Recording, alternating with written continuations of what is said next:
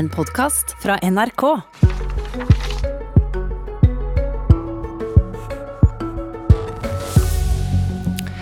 Skal førsteklasseforeldre la seksåringen ta fri når det passer slik?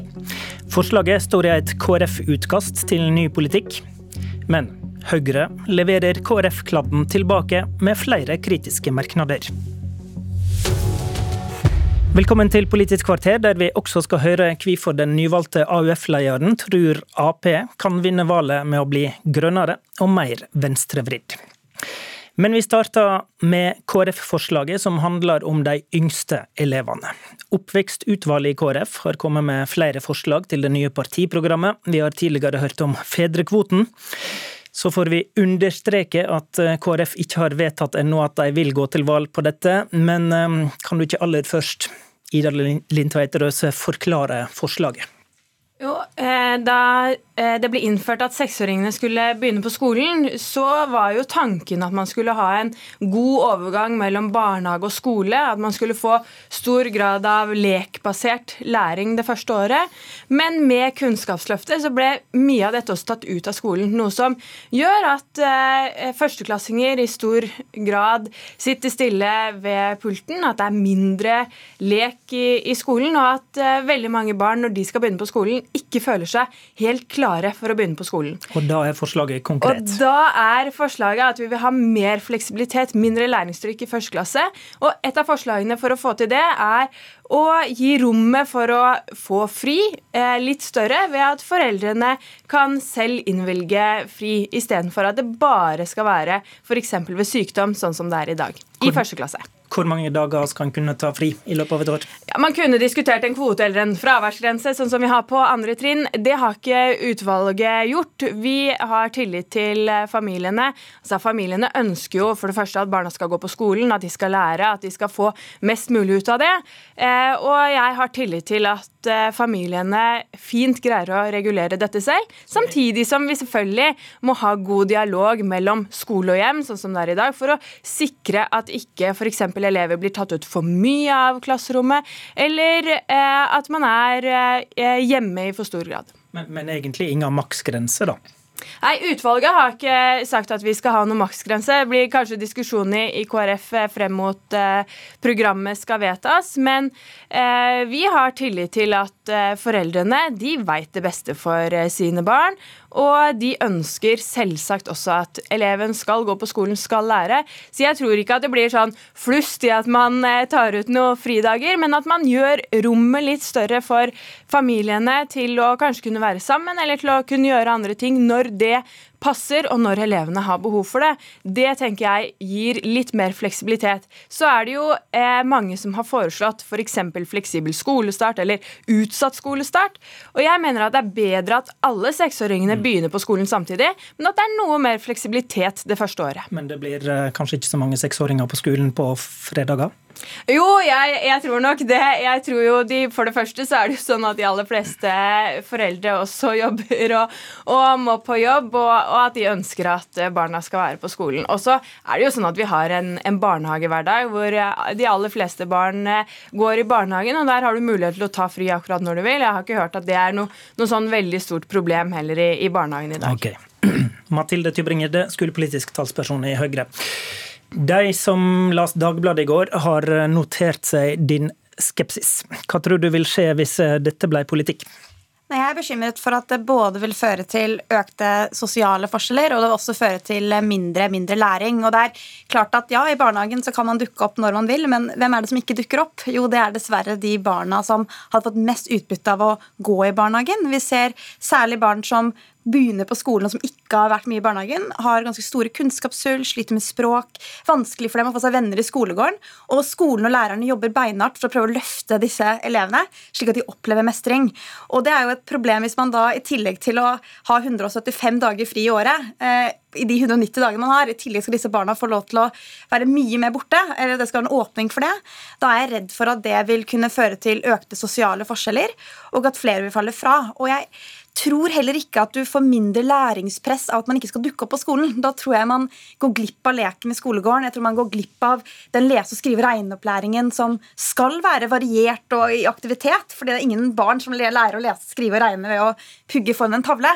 Men å gå glipp av det, da tror jeg dessverre man havner lenger bakpå veldig tidlig. Røse, hva tenker du om de sosiale forskjellene? Jeg tenker at Et viktig forskjell mellom det å gå i barnehage og på skole er jo prisen. Og det er jo noe av det som gjør at enkelte ikke går i, i barnehage fordi det faktisk eh, koster penger. Hvis man velger at barnet sitt skal gå på skole, så ønsker man også at barnet skal eh, delta i skolehverdagen på lik linje med alle de andre. Men det som ofte er argumentet for at man ikke kan innvilge fri, det er jo at nei, hvis ikke barnet kommer på skolen, så går du glipp av å lære A f.eks. Eh, og eh, det er grunnen til at jeg mener at man skal redusere læringspresset i første trinn. Jeg tror ikke at det er sånn at man eh, lærer mindre hvis man kanskje har én fridag eh, innimellom. Nettopp fordi at da legger ikke læreren opp undervisningen sånn at du mister helt vesentlig undervisning hvis du er borte altså jeg, jeg, en dag. Må si at Lærerne og skolene skal ivareta et veldig stort samfunnsoppdrag når de får alle de små småungene inn i den skolegården første skoledag. Og det å da ha 30 elever som skal ha ulik type fridager, og så tilpasse undervisningen, da er jeg redd for at du kommer til å gå glipp av læring som er, som er viktig. Og så er ikke jeg er ikke jeg uenig at man skal ha, ha, fleksibilitet. Altså, du har 175 fridager i året. Eh, skoledagen for de første er ofte ganske mye kortere enn det mange av barna er i barnehagen. Men jeg tror samtidig at eh, vi ikke må på en måte undervurdere det mye av forskningen sier. Og det er jo at barn som er mye borte fra skolen, tar bare sommerferien, så er det mange som faller til å miste mye verdifull læring som skolene må jobbe veldig hardt for å løfte dem på. Og de barna som ikke, kanskje ikke får oppfølgingen hjemme. Det er jo de som trenger å være på skolen. Og det å svekke deres plikt og mulighet til det, det er jeg litt skeptisk til. Røse, vi har snakka om sårbare barn siden eh, korona traff oss veldig mye. Din partileder Ropstad, og for så vidt du sjøl, som var hans vikar som barneminister, har blitt utfordra på å sikre tjenester for eh, barn som ikke har ressurssterke familier og som trenger skolen hver dag. Er du ikke det minste litt urolig da, for at eh, dette poenget fra Tybring-Gjedde kan stemme, og at dette kan slå skjevt ut? Jo, og jeg er veldig opptatt av at eh, barna skal gå på skolen og de skal ha et godt skoletilbud. Det vi ser, er jo at dagens skolestart for veldig mange barn ikke fungerer. Eh, det er eh, for lite lek de faller fra, og spesielt går det utover guttene. Og vi har diskutert fleksibel skolestart, og jeg mener at det å gjøre skolehverdagen mer fleksibilitet det første året, det vil gjøre overgangen mellom barnehage og skole lettere. Og jeg synes Det er to utfordringer eh, i Høyres argumentasjon.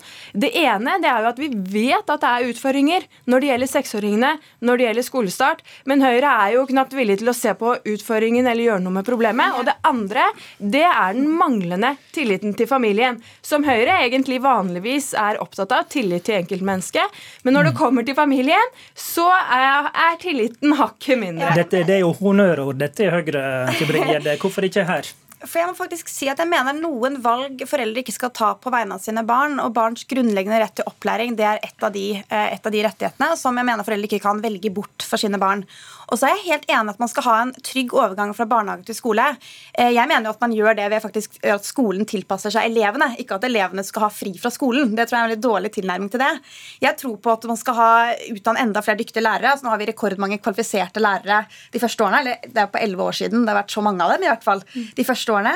Vi har lærere som er eksperter i begynneropplæring, hvordan de yngste barna utvikler seg. Vi har nye læreplaner som nettopp understreker lek, utforskning, eh, at man skal være i aktivitet greit. Men jeg har troen på det som en tilnærming for at de yngste barna skal ha det bra på skolen. Ikke at man skal være borte fra skolen eller ha mindre lese- og regneopplæring. Jeg tror snarere tvert imot det vil føre til at de barna som hadde trengt det mest, de som dessverre i dag slutter å rekke opp hånden i klasserommet, ja, det er de barna som eh, vil tape på det. I starten her så nevnte du at eh, noen går inn for eh, fleksibel skolestart. Det er bl.a. de regjering som har innført forsøk med fleksibel skolestart, altså at en kan starte til ulike tidspunkt i året. Og Argumentasjonen for det er jo at barn er litt ulike. Er ikke det egentlig bare litt annen organisering av det samme som Røse kommer med her, da? Nei, det vil jeg ikke si. For her er det jo da du kan begynne for et år senere. Du er ett år ja, lenger i barnehagen året, eller, et, eller, et, halvt år senere med bestemte tidspunkt. Men det er klart, jeg syns det er spennende å prøve på det, nettopp fordi du ser særlig biologiske forskjeller. Er du født sent på året, gutta, som eh, Lindtveit nevnte. Men jeg vil samtidig si at det skal ikke være slik at barn skal gjennom en sånn modenhetstest for å begynne på skolen. For det er skolens oppgave å tilpasse seg barna. Og første klasse og tiende klasse er to forskjellige ting. Eh, og jeg er opptatt av at skolen skal være mest mulig tilpassa. Vi må gi oss der. Takk til Ida Lindtvedt Røse i KrF, og takk til Mathilde Tybring-Gjedde i Høyre. Abonner på Politisk kvarter som podkast og få sendinga rett til din mobil. Da kommer Astrid Hoem inn i studio, og vi gratulerer henne som ny leder for Arbeiderpartiets ungdomsparti, AUF. Tusen takk. Du formulerte to målsetninger da du ble valgt søndag. Flytte partiet mot venstre og i grønnere retning, og selvsagt vinne valget neste år, da. At AUF ligger mer til venstre og snakker mer om miljøet enn moderpartiet, det er vel ei slags evig sanning. Men eh, la oss dra det nå inn i 2020. Hva savner du i miljøpolitikken hos moderpartiet Ap? Arbeiderpartiet må være det partiet som både klimastreikerne og industriarbeiderne kan se til for å få håp om at vi klarer den grønne omstillinga. Da mener jeg at det ligger mye bra i partiprogrammet som er foreslått nå, men vi i AUF er fortsatt kritiske til at Arbeiderpartiet går for ei politisk iskantsone, og at man har gått med på et oljeskatteforlik som vil holde kunstig liv i oljenæringa lenger. Så vi mener at Arbeiderpartiet må være tydeligere i den type klimaskillesaker. Så nå når landsmøtet Arbeiderpartiet kommer i april, så har jeg fått en marsjordre fra landsmøtet AUF om at vi skal gjøre Arbeiderpartiet enda grønnere, og at vi skal vinne kampen om iskanten. Ja, La oss ta iskantsona, da. AUF vil eh, verne havområdet mye lenger sør i Barentshavet mot oljevirksomhet enn det forslaget til partiprogrammet i Ap da sier nå. Men iveren etter utvinning i disse områdene er jo moderat for tida. Hva gjør det da til din viktigste miljøkamp? For det er snakk om sårbare områder, og jeg mener at man skal høre på faglige råd når det kommer til klima og naturen vår. Man skal ikke lage en politisk iskantsone som man har funnet på på Stortinget. Man skal følge de faglige rådene. Og Det handler jo både om klima, det handler om naturvern, men det handler også om at hvis vi skal utvinne de områdene her, så vet vi ikke om det er lønnsomt når det kommer i gang. Og Da må man tenke både på klimapolitikken, men også den økonomiske politikken. For det grønne skiftet handler om begge de to tingene. For vi skal kutte klimagassutslipp, vi skal ikke åpne nye oljefelt, men vi skal også samtidig klare å holde folk i jobb. og Da er vi nødt til å tenke økonomien i det, og vi vet at det ikke er en bærekraftig økonomi å basere oss så mye på olje som vi gjør. Hva skjer med ditt parti hvis velgerne frykter at din grønne politikk bidrar til sviktende inntekter og arbeidsløse?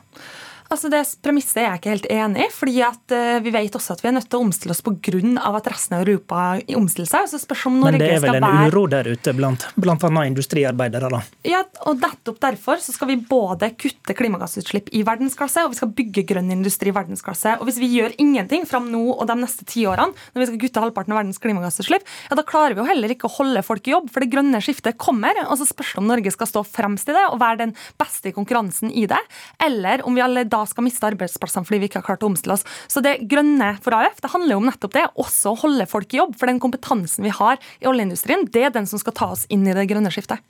Hva slags venstreorientering savner du da hos Ap i 2020? Vi må være det partiet som er tydeligst på omfordelingspolitikk. Og nå ser vi at vi har hatt en regjering som har kutta i skattekutt Norges rikeste, samtidig som det er vanskeligere for oss unge å komme oss inn på boligmarkedet, samtidig som det er vanskeligere for oss unge å få jobb, samtidig som det er vanskeligere for oss unge å komme inn på studiet. Så vi ønsker å gjøre en del ting med skattepolitikken. Blant annet å vri det om, sånn at man skal til bolig, arv og formue mer, og inntekt mindre. Man skal tjene mer på å gå på jobb enn man skal ha på å eie 200-300 boliger og bare vente på at uh, prisstigninga. Men, og noen av grepene dere foreslår, da er nasjonal eiendomsskatt og høyere likningsverdi på hus og leiligheter som vi, vi bor i. I sum mer skatt på å bo. Altså, det vil jo ramme åpenbart de som er rike, men det vil jo også ramme vanlig middelklassefamilie. Men du må se på helheten i skatteforslaget, fordi vi vil skatte både bolig mer, men så vil vi skatte inntekt mindre. Folk skal sitte igjen med mer av inntekta si, og så skal vi skatte bolig, arv og formue mer. Og det er veldig viktig at vi klarer å få unge inn på boligmarkedet, for hvis ikke så blir min generasjon en generasjon som leier istedenfor å eie. Og da holder, må vi også gjøre noe med skattepolitikken. Vil du ha skatteøkning samla? Ja, for de aller rikeste i Norge. Hvis vi ser litt strategisk på det. Skal Støre bli statsminister, så må dere sikre velgere som stemte på Ernas lag sist.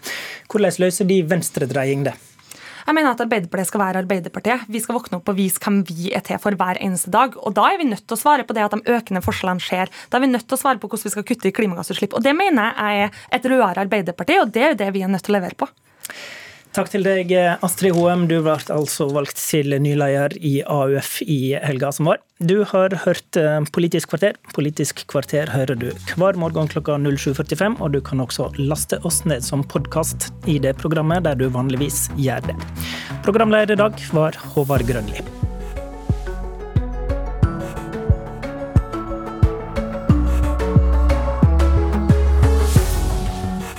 Du har hørt en podkast fra NRK. Hør flere podkaster og din NRK-kanal i appen NRK Radio.